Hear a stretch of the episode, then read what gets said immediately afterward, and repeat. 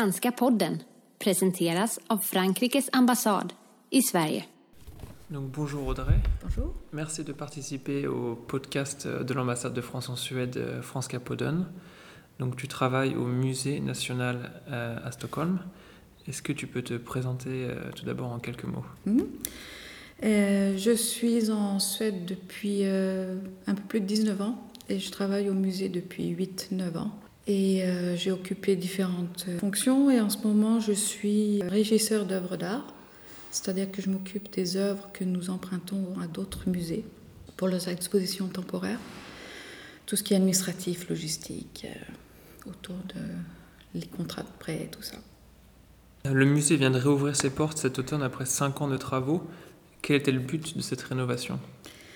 Alors le but premier, c'était d'avoir un musée aux normes, température, de l'humidité à l'intérieur des salles, pour qu'on puisse exposer plus d'œuvres d'art que ce qu'on ne pouvait faire avant. Les bureaux qui étaient dans le musée ont été supprimés, euh, déplacés à l'extérieur, et donc on a gagné en espace d'exposition. On montre maintenant trois fois plus d'œuvres que ce qu'on avait avant. Et vous pouvez accueillir plus de visiteurs aussi. Et me on peut accueillir beaucoup plus de visiteurs, exactement. Et depuis la réouverture du musée, on a eu maintenant un peu plus de 200 000 visiteurs. Ça ne désemplit pas en fait. Et on ne croyait pas que ça allait durer aussi longtemps, ce, ce succès auprès du public. La réouverture du musée a été très bien reçue par euh, la presse euh, suédoise et internationale aussi. Ce qui marque le plus les visiteurs, je pense, c'est les salles d'ex- d'exposition dont on a peint les murs de couleurs différentes et de couleurs assez vives assez souvent.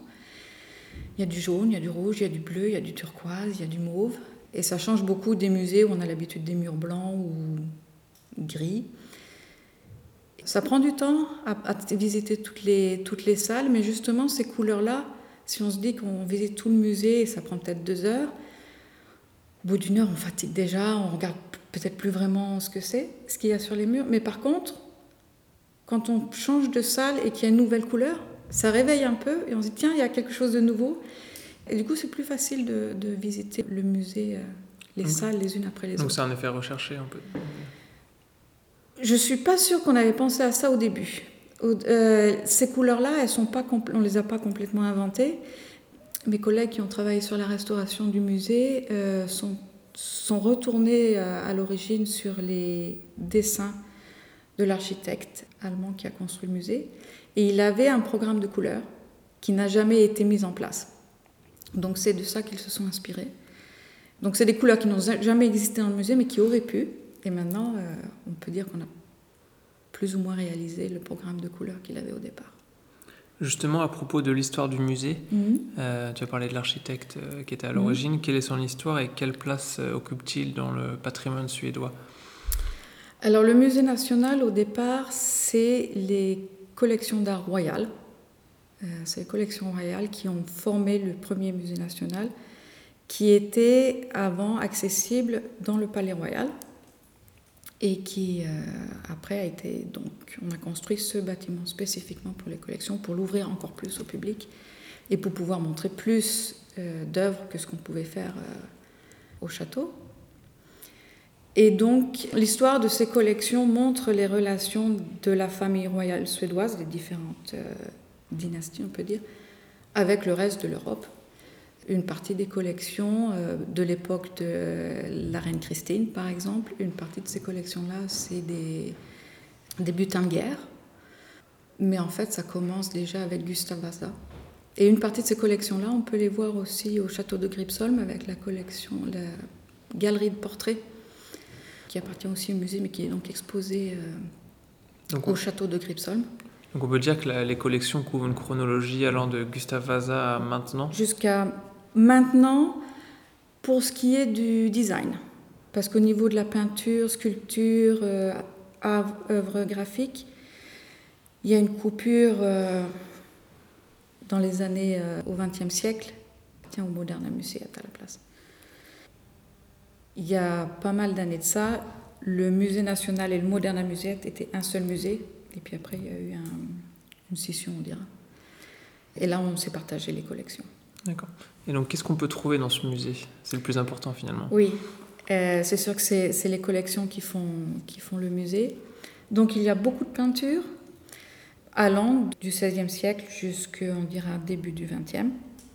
Il y a aussi beaucoup d'art appliqué et qui, euh, enfin, art appliqué qui aujourd'hui on appelle ça design, mais c'est tout ce qui est objet d'art, euh, porcelaine, argent, bijoux. Le musée a une des plus grandes collections de miniatures au monde qui sont une partie est visible aujourd'hui dans ce qu'on appelle Scat Camaret, la chambre du trésor au musée.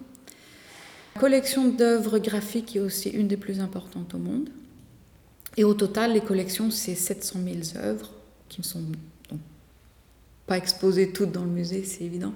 Si on va dans les salles aujourd'hui, on voit il y, a, un parti pris. On a choisi vraiment de montrer beaucoup d'œuvres. C'est pas une rangée de peintures, par exemple sur un mur, il y a des, il y a des peintures en haut, en bas, et c'est assez euh, dense comme présentation. Mais ça reflète aussi un peu la, manière dont on exposait les œuvres d'art et il y a plusieurs siècles, où on voulait vraiment montrer toute la, la capacité des collections. Et finalement, pour finir, quels sont les liens avec la France? Alors les liens avec la France, ils ont, ça vient des relations entre la famille royale et la, France, euh, historiquement. On sait que Gustave III, euh, par exemple, était très francophile, francophone aussi. Donc il s'est rendu plusieurs fois en France, il avait des contacts avec des artistes euh, français.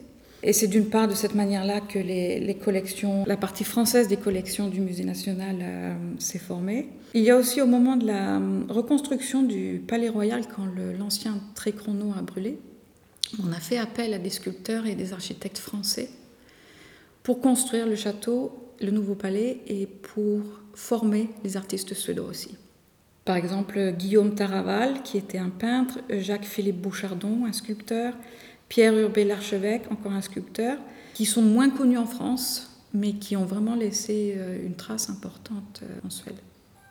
Et puis après, l'Académie des beaux-arts de, Suède envoyait souvent ses étudiants euh, en France pour continuer leurs études. On peut parler par exemple de l'Académie Collard aussi, où Jules Bastien Lepage était un peintre français, a été le professeur de beaucoup de peintres suédois qui sont donc revenus en Suède avec une inspiration française. Il y a eu la colonie d'artistes à Grès-sur-Loing, par exemple.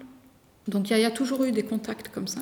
Un des directeurs du musée, Richard Berg, était lui-même artiste suédois, peintre suédois, et euh, il avait beaucoup de contacts en France. Donc quand il est devenu directeur du musée, il a acheté des œuvres d'art françaises de l'époque. C'est comme ça que ça se construit petit à petit. Et puis aujourd'hui, on a beaucoup de relations avec des musées euh, français où ils nous empruntent beaucoup d'œuvres et on emprunte aussi d'eux pour nos expositions temporaires. Et on coopère très très souvent avec des musées, pas seulement à Paris, beaucoup à Paris, mais pas seulement Lesquels à Paris. par exemple, surtout à Paris Paris, c'est surtout le Louvre, euh, le Petit Palais et Versailles. Beaucoup Versailles. Versailles apprécie beaucoup notre collection d'œuvres graphiques. Et ces dernières années, on a fait euh, pas mal de grandes expositions avec beaucoup d'œuvres, allant de 20 à 40, 60 œuvres dans, dans chaque exposition. Le Petit Palais, ces dernières années, est très intéressé par euh, l'art suédois. Euh, Karl Larsson, Andersson, qui rencontre un grand succès en France aussi, donc c'est sympa. Merci beaucoup, Audrey. Merci.